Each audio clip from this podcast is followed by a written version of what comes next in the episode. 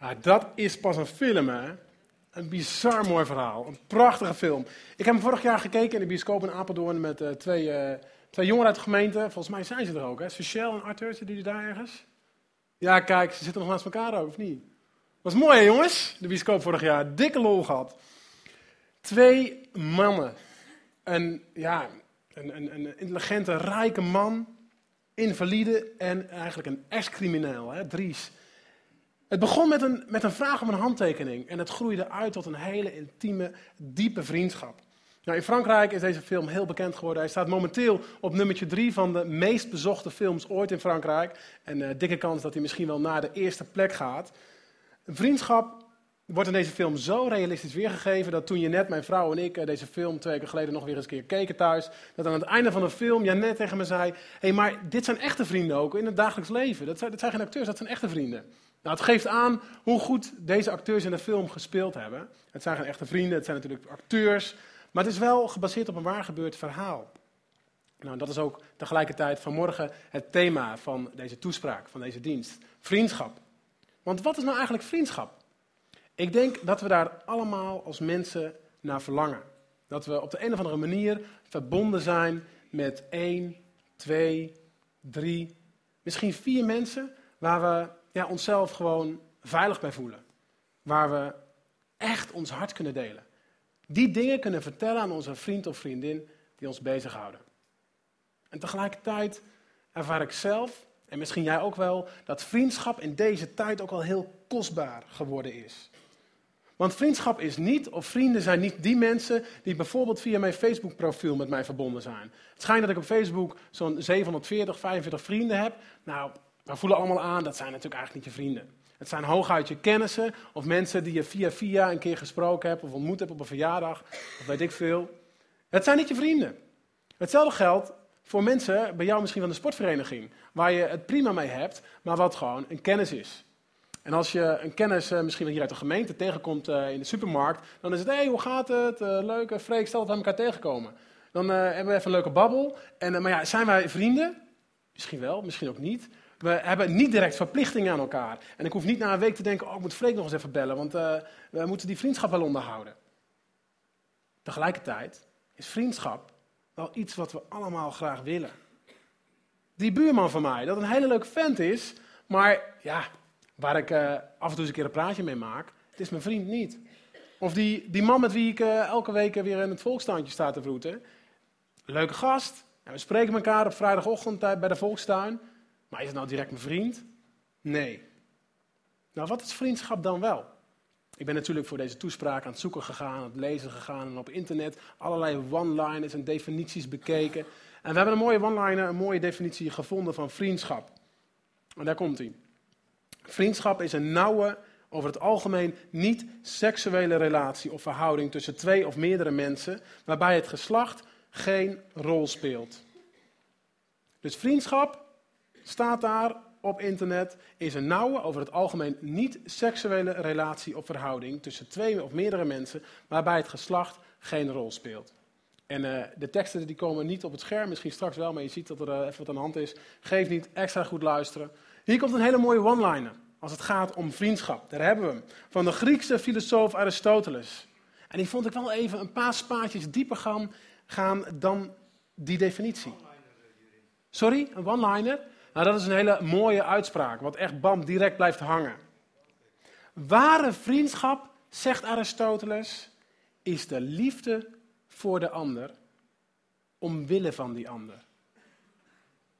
Daar moet je wel even over nadenken. Hè? Dus ware vriendschap, zegt Aristoteles. Dus hij maakt daar eigenlijk gelijk al verschil tussen vriendschappen. Vriendschap is ook wel een beetje ja, een hele algemene term geworden. Maar echte vriendschap, dat is de liefde voor die ander. Waarom? Omwille van die ander. Omdat je die ander in vriendschap belangrijker vindt dan jijzelf bent. Nou, vriendschap, lieve mensen, dat moet je leren. Vriendschap is er ook niet zomaar opeens. Als ik jou ontmoet, zijn we niet gelijk de dikke beste maatjes. Vriendschap moet groeien, moet ontwikkelen. Waarin je dat is eigenlijk een heel bijzonder proces en dat gaat veel vaker onbewust dan bewust, waarin je aan het aftasten bent en aan het zoeken bent en iets meer van jezelf laat zien en eens wat extra informatie geeft en wat beter naar die ander luistert. En zo kan er zomaar na een eerste ontmoeting iets van een goed contact ontstaan, wat uitgroeit in een hele mooie vriendschap.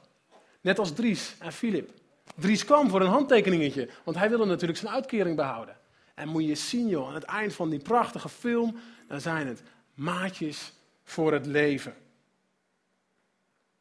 Nou, ik zei al, op internet en in boekenkasten vol, veel geschreven over vriendschap.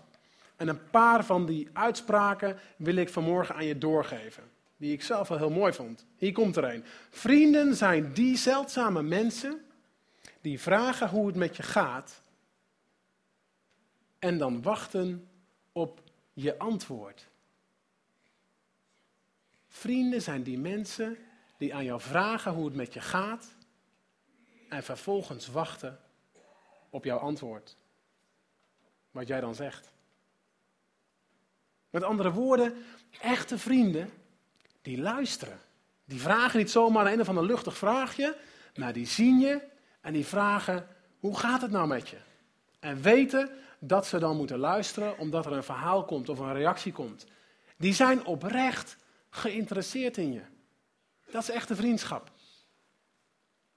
En dat is heel anders dan dat we hier aan elkaar bij de uitgang van deze zaal vragen: hey, hoe is het met je? En ja, ik moet er vandoor hoor. En uh, voordat, voordat überhaupt die persoon antwoord geeft op de vraag hoe het met je gaat, ben jij al bij de kapstok om je jas aan te trekken.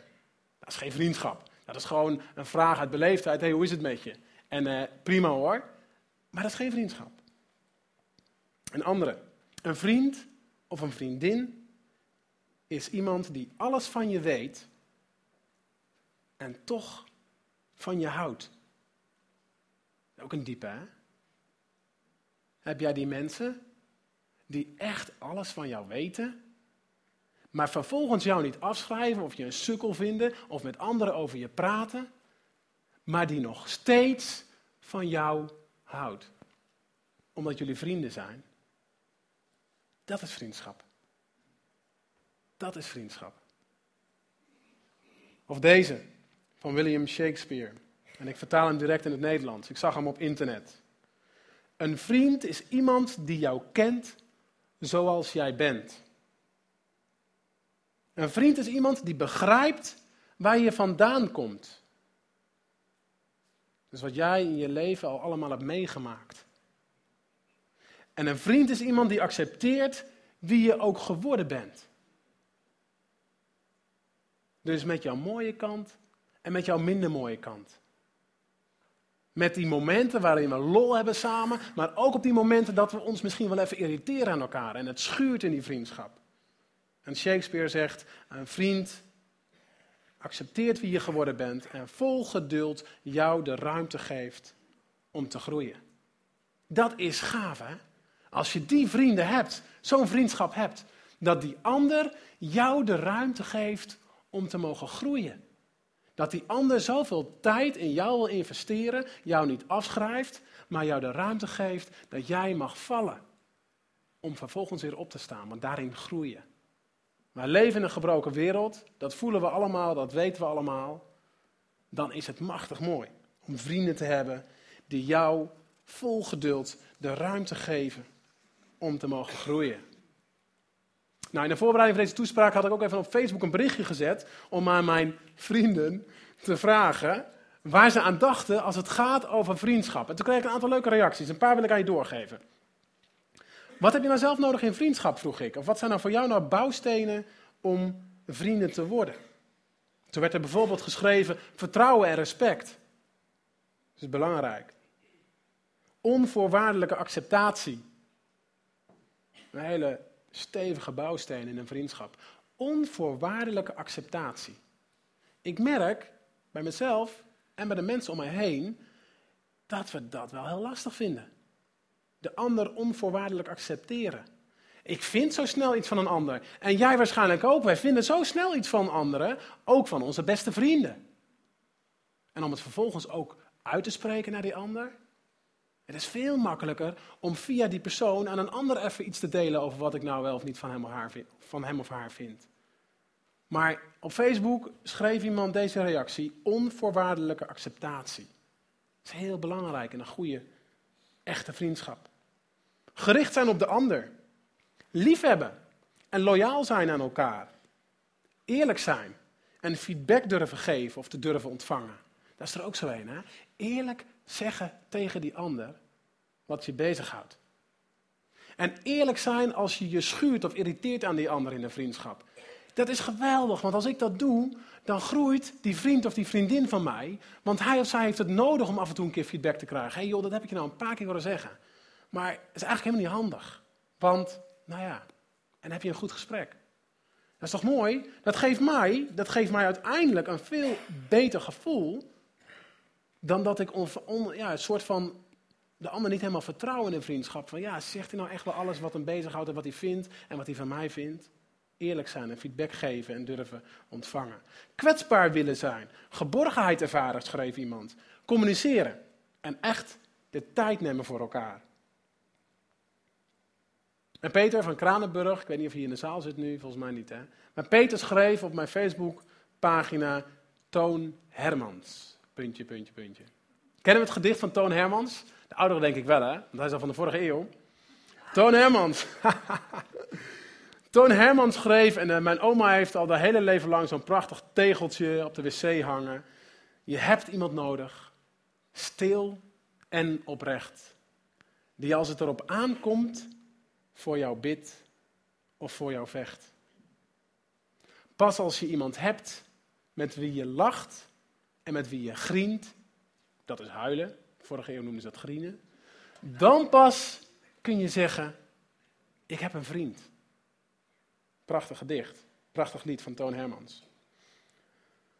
Maar jongens, wat een, wat een wijze woorden joh. Wat staat er veel op internet en wat zijn er veel boeken geschreven over vriendschap. En over hoe we ons verhouden tot elkaar. En wat het dan wel is en wat het dan niet is. Ik zal je eerlijk zeggen, toen ik dat allemaal las, toen dacht ik bij mezelf, maar goedheid, zoveel vrienden heb ik niet dus. Dit is een probleem. En nog erger, ik ben eigenlijk helemaal niet zo'n goede vriend voor die ander. Dat was wel even confronterend. En misschien ja, herken je dat wel, met dat ik dit vertel aan jou, wat dan vriendschap is en wat mensen belangrijk vinden aan vriendschap. En wat het dan wel is en wat het niet is. Ben jij een vriend? voor die ander, zoals vriendschap bedoeld is. Ik wil je een verhaal vertellen. En eh, ik pak daar even een stoel uh, erbij, want het is een verhaal uit de Bijbel. En um, in dat verhaal in het Oude Testament, de Bijbel bestaat uit twee uh, Bijbelboeken, misschien ken je dat wel. Het Oude Testament en het Nieuwe Testament. En in het Oude Testament, en ook in het Nieuwe Testament hoor, staan hele mooie verhalen over ontmoetingen tussen 1, 2, 3, 4 mensen.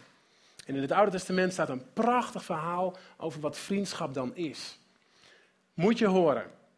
Hij was geliefd bij het volk. En hij versloeg de ene na de andere vijand. En elke oorlog won hij. Elke oorlog tegen de vijand, de Filistijn, de grootste vijand van het volk van Israël. Hij, hij was een dappere strijder. En hij was voor niets en voor niemand bang. Hij, hij was de koningszoon, de oudste in het gezin. En de gedoodverfde troonopvolger van zijn vader, koning Saul. De eerst gekozen koning van het volk van Israël. Maar nu was er in die oorlog, in die confrontatie voor de zoveelste keer met de Filistijnen, de grootste vijand, echt een probleem ontstaan. Een padstelling. Een serieus probleem. Want dat Filistijnse volk had zowaar een grote reus naar voren geschoven. Die keer op keer het volk van Israël uitdaagde. Zijn vader de koning, koning Saul van Israël, had gezworen dat in het hele land niet meer gegeten en gedronken zou worden, totdat die vijand aan de overkant van de dal, Terabinte, verslagen zal zijn. En elke ochtend en elke avond weer. In de Bijbel staat in dit verhaal in 1 Samuel 17 dat maar liefst 40 dagen lang, elke ochtend en elke avond opnieuw, stond daar die enorme reus Goliath het dal van de Terebintenvallei in te schreeuwen. Waarom zouden jullie optrekken en met mij in gevecht gaan? Ik ben een vrije Filistijn. Jullie zijn maar een stelletje slaven van jullie koning Saul. Kies iemand uit jullie midden en laat die met me vechten. Laat hem naar beneden komen. En als hij mij aan kan, hebben jullie gewonnen. Zullen we jullie slaven zijn. Maar als ik win, dan zullen jullie voor altijd in slavernij leven. En zullen jullie ons dienen. En dan staat daar in 1 Samuel 17, vers 11. En bij het horen van deze woorden van de reus Goliath stonden koning Saul en het leger van Israël verlamd van schrik als aan de grond genageld. En niemand durfde. En ook die held, Jonathan, geliefd bij het volk, nog liever dan koning Saul, stond verstijfd van schrik. Hij hield zijn adem in. En als dat dan de situatie is tussen dat volk Israël en de vijand de Filistijnen, komt daar opeens vanuit de velden een herdersjongen aanlopen.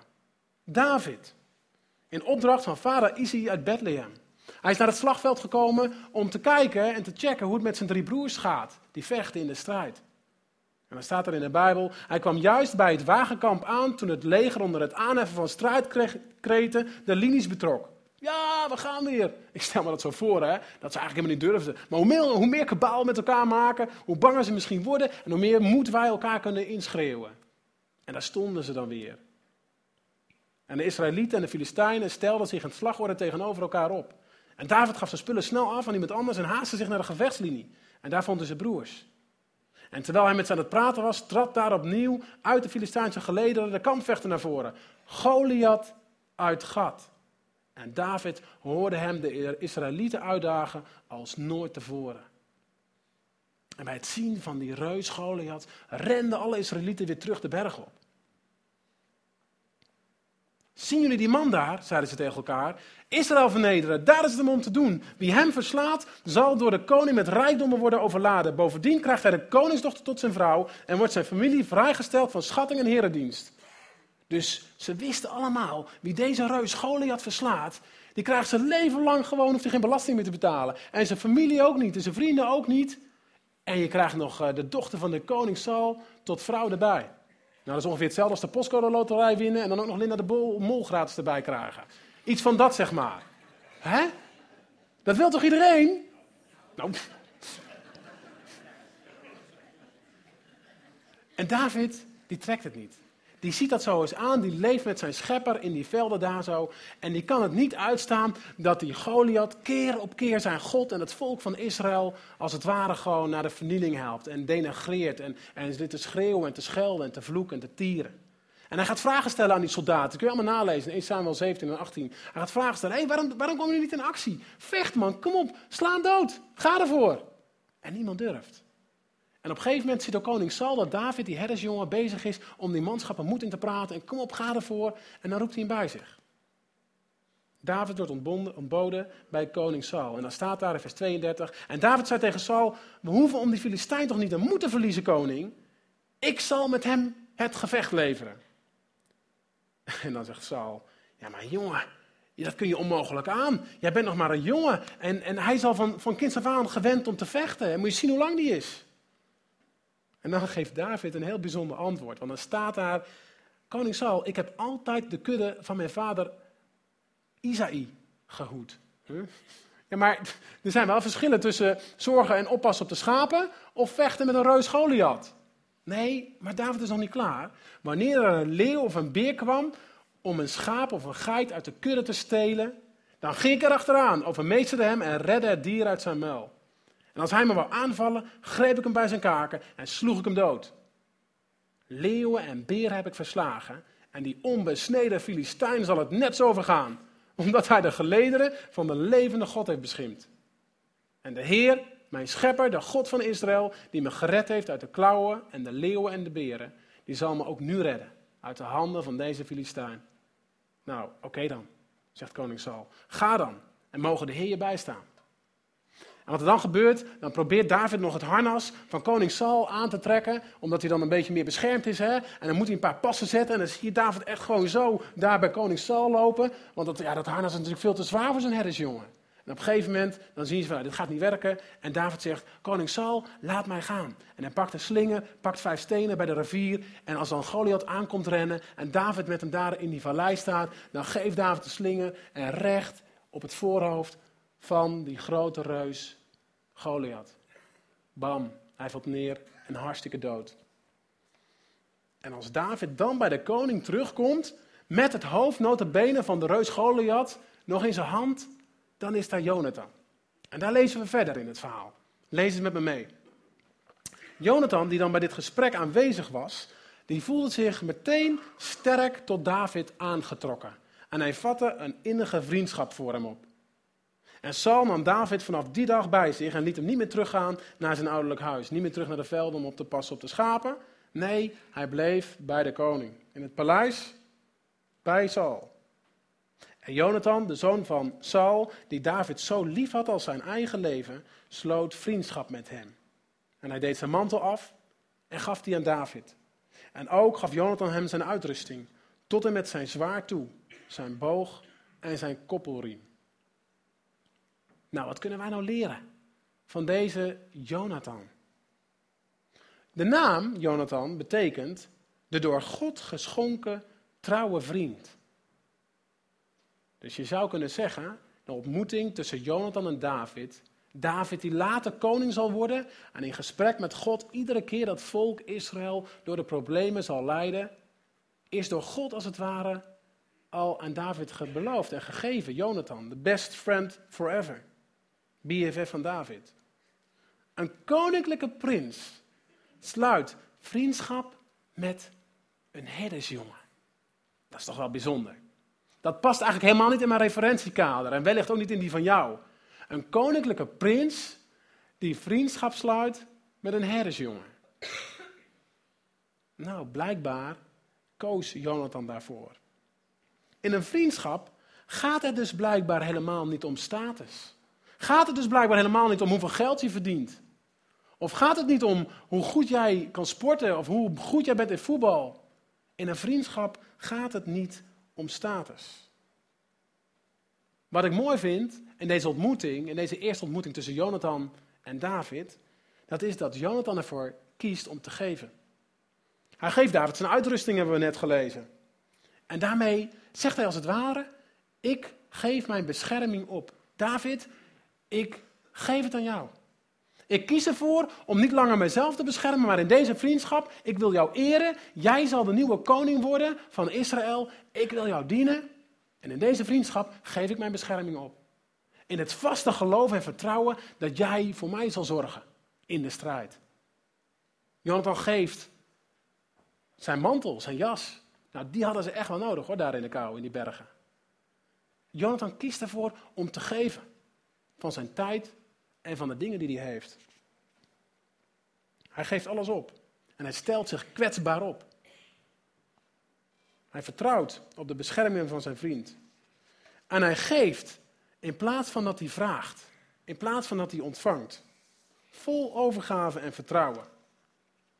Dus het eerste wat mij opvalt in de ontmoeting is dat hij geeft. Het tweede is dat Jonathan ook echt kiest. Hij maakt een keus. Hij kiest niet langer voor zijn carrière. Jonathan, joh, hij was de koningszoon. Hij zou koning worden na Saul. Moet je je voorstellen wat dat betekent? Om in het kiezen van die vriendschap met David, vervolgens ook te zeggen: joh, ik kies niet voor mijn carrière, maar ik ga voor die vriendschap met jou, David. En ik heb gezien dat jij de held van Israël bent. En als later David binnenkomt in Jeruzalem met al die manschappen en ze de Filistijnen tot aan over de grenzen verslagen hebben, dan roepen de mensen daar zo, de inwoners van Jeruzalem, daar komt Saul, hij heeft ze duizenden verslagen. Maar daar is David, hij heeft ze tienduizenden verslagen.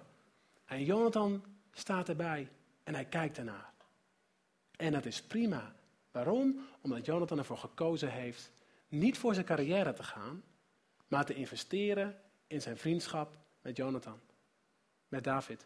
Omdat hij blijkbaar ontdekte en gezien heeft, en misschien heeft God hem dat wel laten zien, dat niet Jonathan, maar dat David de nieuwe koning zou worden. Echte vriendschap, in echte vriendschap, is je eigen ego en de dingen die jij wilt ondergeschikt aan die ander, die vriend of die vriendin. En later in het verhaal, als koning Saul verbitterd is en verzuurd is en allerlei pogingen doet om die David te doden, zodat hij koning kan blijven van Israël, dan is daar keer op keer Jonathan, de redder, die David helpt. David niet allerlei tips en adviezen geeft, maar telkens luistert en aan David vraagt, David, wat heb je nodig? Waar moet je heen? Ik wil je helpen, want ik ben je vriend. Dus Jonathan kiest in die vriendschap voor David. Nou, dikke kans dat jij daar vragen bij hebt. Dat je denkt, hoe zit dat dan? Hoe kan dat nou dan? Dat die Jonathan niet voor zichzelf ging, maar voor die ander ging. Ik denk, lieve mensen, dat dat komt omdat in deze vriendschap de bron de liefde van God was. En ik geloof dat dat ook in onze vriendschappen uiteindelijk de bron is. Als wij goede vrienden hebben, dan, dan als we daaraan denken en terugdenken waar het dan vandaan komt, dan zal dat onherroepelijk te maken hebben met die liefde die jij hebt voor de ander. Jonathan leefde vanuit die liefde. Jonathan leefde vanuit die relatie met God. Omdat ik echt heilig ervan overtuigd ben dat uiteindelijk liefde niet bij mijzelf vandaan komt, maar dat het zijn oorsprong vindt in God. In de schepper die mij gemaakt heeft en die jou gemaakt heeft. Nou, dit is een verhaal van David en Jonathan uit het Oude Testament. En ook in het Nieuwe Testament zijn er tal van verhalen te vinden waarin het gaat over die liefde. Waar het gaat over die vriendschap tussen mensen. Ik weet niet of je iets gevolgd hebt van Mandela de afgelopen weken. Het heeft mij nogal bezig gehouden. Heel bijzonder wat die man betekend heeft voor Zuid-Afrika. En wat zeg ik? Eigenlijk voor de hele wereld. Want wat voor inspirator en wat voor voorbeeld is Mandela geweest voor velen. En als je nu kijkt in Afrika en het nu alweer fout gaat in Zuid-Soedan, nog in twee jaar een eigen land, waar twee stammen elkaar bestrijden. Wat heeft Mandela veel betekend als het gaat om vergeving en als het gaat om verzoening? Weet je, Mandela had eigenlijk best wel wat karaktertrekken van Jezus. Hij leek wel een beetje op die Jezus uit Nazareth. Jezus, die in de Bijbel vriend van tollenaren en zondaren genoemd wordt. En weet je wat ik zo mooi vind? Dat gaan we komende dagen met kerst ook weer herdenken. Dat gaan we vieren met elkaar, dus van harte welkom in een van die kerstdiensten. Wat ik zo gaaf vind, is dat uiteindelijk Jezus het ultieme voorbeeld is van vriendschap. Het ultieme voorbeeld is van die liefde. Want God, lezen in de Bijbel, stuurde een deel van zichzelf in Jezus naar deze aarde. In Jezus. En die komt als het ware zomaar ook vanmorgen jou en mijn leventje binnenwandelen. En hij komt in jou en mijn gebrokenheid en hij zegt vanmorgen tegen jou, hier heb je mijn vriendschap. Ik wil jou mijn liefde geven. Omdat ik weet dat jij mijn schepsel naar die liefde van mij verlangt. Misschien zonder dat je dat zelf doorhebt op dit moment. Jezus komt onze gebrokenheid binnenwandelen. Hij wil herstellen, wil genezen en biedt zijn vriendschap aan. Johannes, een vriend van Jezus, heeft dat ook heel mooi verwoord in een van zijn brieven. En dat staat in 1 Johannes 3. En daar staat dan, wat liefde is. Wil je weten wat liefde is? Zegt Johannes. Dat hebben we geleerd van hem. Dat hebben we geleerd van Jezus zelf, die uiteindelijk zijn leven voor ons heeft gegeven. De ultieme daad van liefde, de ultieme daad van vriendschap, is dat we bereid zijn uiteindelijk zelfs ons leven ervoor te geven. Dit is wat Johannes schrijft. En daarom, in navolging van wat Jezus gedaan heeft, horen ook wij ons leven te geven voor onze broers en onze zussen, voor onze vrienden, zegt Johannes. Want hoe kan de liefde van God in iemand zijn hart zijn? In iemand blijven? Die meer dan genoeg heeft om van te bestaan, maar zijn hart vervolgens sluit voor een broeder of voor een zuster die hij gebrek ziet lijden. Johannes zegt, dat kan niet, dat bestaat niet. Dat, dat, dat kan niet samengaan. Dat is één op één. Als jij de liefde van God, of die vriendschap van God verlangt, God wil dat geven, dan kan het niet zo zijn dat jij vervolgens niks met die liefde doet. En dat je dat niet weer uitdeelt en niet weer geeft aan die ander in tijd en oprechte aandacht, weet je nog? Niet bij de kapstok als je je jas op, uh, weer aantrekt, nog, nog het antwoord hoort van die persoon die hier bij de deur reageert op je vraag. Maar dat je er bent voor elkaar. Dat je investeert. Dat je de ander in de ogen kijkt, de ander ziet. En er echt een offertje voor wil geven. Een offertje. Je leven staat hier. Kinderen, vers 18, we moeten niet lief hebben met de mond, niet met woorden, maar waarachtig, met daden. We moeten het doen. Weet je wat dat betekent? En in ons leven, ik zie het om mij heen. Er zijn een heleboel vriendschappen. En we hebben onze mond vol over onze vriend en over onze vriendin. Maar ik zie dat het vaak een diepgang van een bierveeltje heeft. Hier heeft Jezus het over iets anders. Er is weinig liefde voor de ander bij over het algemeen. Maar veel meer eigenliefde. God verandert dat. Als God in je hart gaat werken, als God iets doet van binnen, je hart verandert, dan, dan dat is zo mooi. Als je Gods liefde ontvangt, dan ben je niet langer met jezelf bezig, maar dan ga je veel meer met een veel bredere blik kijken naar die ander, wat die ander nodig heeft. Een echte vriendschap, lieve mensen, die is ook eerlijk en confronterend. Dat staat in Spreuken 27, heel scherp verwoord. Lees eens mee. De wonden die door een vriend worden geslagen, die zijn een teken van zijn trouw. Bam. Heftige tekst, hè? De wonden die door een vriend worden geslagen zijn een teken van zijn trouw. Met andere woorden, een vriend die eerlijk tegen je is, die zal je altijd de waarheid vertellen. Ook als het pijn doet. En misschien is dat niet zo lekker, maar uiteindelijk groei je ervan. Jij en ik hebben het nodig dat we dat eens horen van een ander, wat ze nou werkelijk echt van ons vinden. En dat is zo mooi. De Bijbel en God zelf moedigt ons ertoe aan om dat dus blijkbaar te doen. Zou je daarmee kunnen zeggen dat deze plek hier de basis, dat hier een, een sfeer, een gemeenschap is van mensen die dat durven, die dat doen, die door God zelf geïnspireerd zijn om daadwerkelijk eerlijk te zijn naar een ander? Nou jongens, dat is toch een plek waar je bij wil zijn? Dat is toch een plek waar je gewoon wil zijn, omdat je daar in liefde uiteraard, in liefde hoort dat vriendschap is. De wonden die door een vriend worden geslagen zijn een teken van zijn trouw. Maar de kussen van een vijand, die zijn bedrieglijk. Stevige tekst.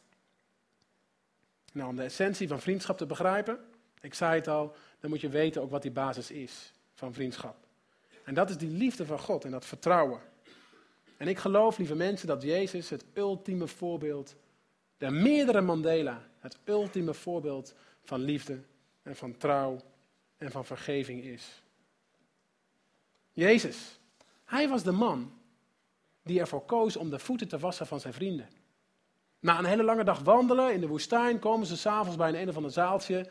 En voordat ze gaan eten, dat was een gebruik in die tijd, ja, misschien hebben wij er andere ideeën bij, maar dat is nu natuurlijk niet meer zo. Toen de tijd, stoffige wegen, allemaal sandalen aan. Voordat je aan tafel ging, werden de voeten gewassen. Omdat ze vaak op de grond lagen, op kleden en zo, weet je wel, en een maaltijd met elkaar gebruikten. En als ze dan gaan eten, dan kijkt Jezus de kring, zijn vrienden langs. En dan vraagt hij, wie wil de voeten wassen? En niemand komt in beweging. Want iedereen had de pest aan dat werkje om de voeten te wassen voor de ander. En dan staat Jezus op, hij pakt een schaaltje met water, hij pakt een doek en dan gaat hij het zelf doen. Elke keer opnieuw, twaalf keer lang, buigt hij voor de ander en wast de voeten van zijn vrienden. Een smerig werkje. We zouden hier in de basis moeten proberen. Gewoon een workshop voeten wassen. maar ik zal je vertellen wat het met je doet als je ervoor kiest om de mindere, de kwetsbare en de kleinere te worden. Net als Jezus. Hij deed het. Hij waste de voeten van zijn discipelen, van zijn vrienden. Om aan jou en mij te laten zien wat het ultieme voorbeeld van liefde en vriendschap is. Want ook de mensenzoon is niet gekomen om zich te laten dienen, staat er in Marcus 10. Maar om zelf te dienen. En uiteindelijk zijn leven te geven als losprijs voor velen. Dat is Jezus. Dat is de man waar ik in geloof. Dat is de man die tegen mij en tegen jou zegt: Ik noem je niet meer slaaf. Je moet niks meer als je mij gaat volgen. Ik noem je mijn vriend. Nou kan ik me voorstellen, lieve mensen, dat als jij hier zit en je hoort het verhaal over vriendschap, en als je misschien zelf al helemaal geen vrienden hebt, dat het een confronterende boodschap is. En dat het misschien ook wel pijn doet. Want ja, als je dan om je heen kijkt, wie zijn dan jouw vrienden? Wie is jouw vriend?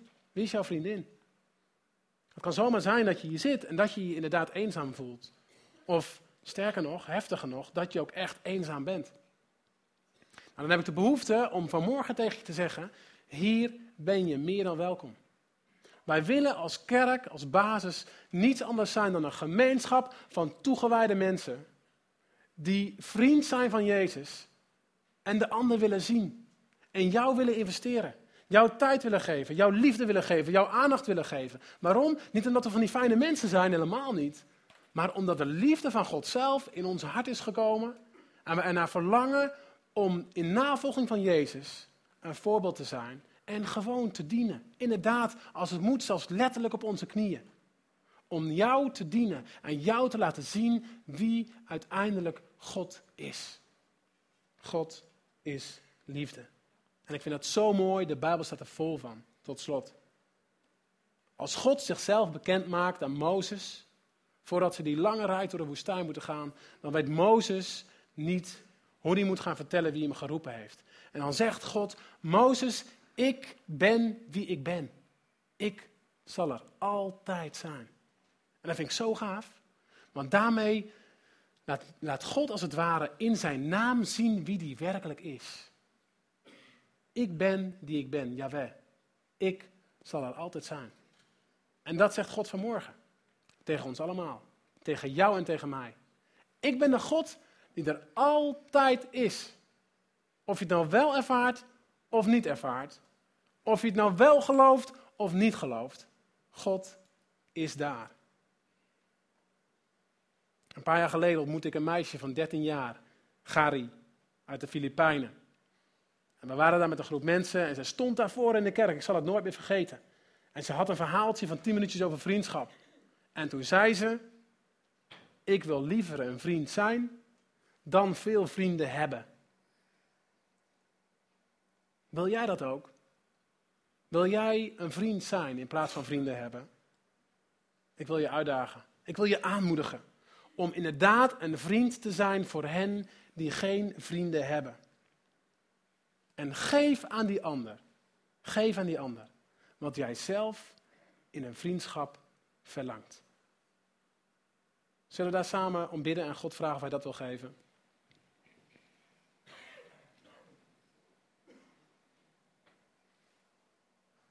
Ja, dank u wel, Heere God. Dat u zo dicht bij ons, uw schepselen, wilt komen. Dat u in Jezus tegen ons zegt: Jullie zijn mijn vrienden. Dank u wel, Jezus, Zoon van God, dat u gekomen bent, als het ware zo, ons leventje bent binnenkomen wandelen en dat u uw vriendschap aan ons aanbiedt.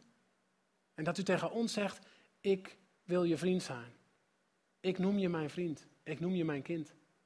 Dank u wel, Jezus, dat u uiteindelijk zo diep bent gegaan in die vriendschap voor uw schepselen, voor uw mensen, voor ons. Dat u uw leven hebt gegeven. Dat u uw leven heeft gegeven, heeft afgelegd om aan ons vanmorgen te laten zien, hier in de basis in 2013, ik ben er. Ik ben er ook voor jou. En ik bied jou mijn vriendschap aan. En we hoeven het alleen maar vast te houden. We hoeven alleen maar te zeggen, dank u wel, Heer Jezus, dat u uw vriendschap aanbiedt, dat u uw vriendschap geeft. Dat u ons wilt vergeven van elke misdaad, elke zonde, elk, elk stom ding wat we in ons leven ook maar gedaan hebben. En dat we niet met een schuld hoeven rond te lopen, maar dat u, Heere God, meer dan, meer dan ooit bereid bent om te vergeven. Dank u wel, Heere God, dat liefde nog steeds aanwezig is in onze tijd. En dat we ons mogen optrekken en mogen vasthouden aan de vrienden om ons heen. En ik bid u, help ons. Help ons alstublieft om een vriend te zijn voor die mensen die geen vrienden hebben. In Jezus' naam. Amen.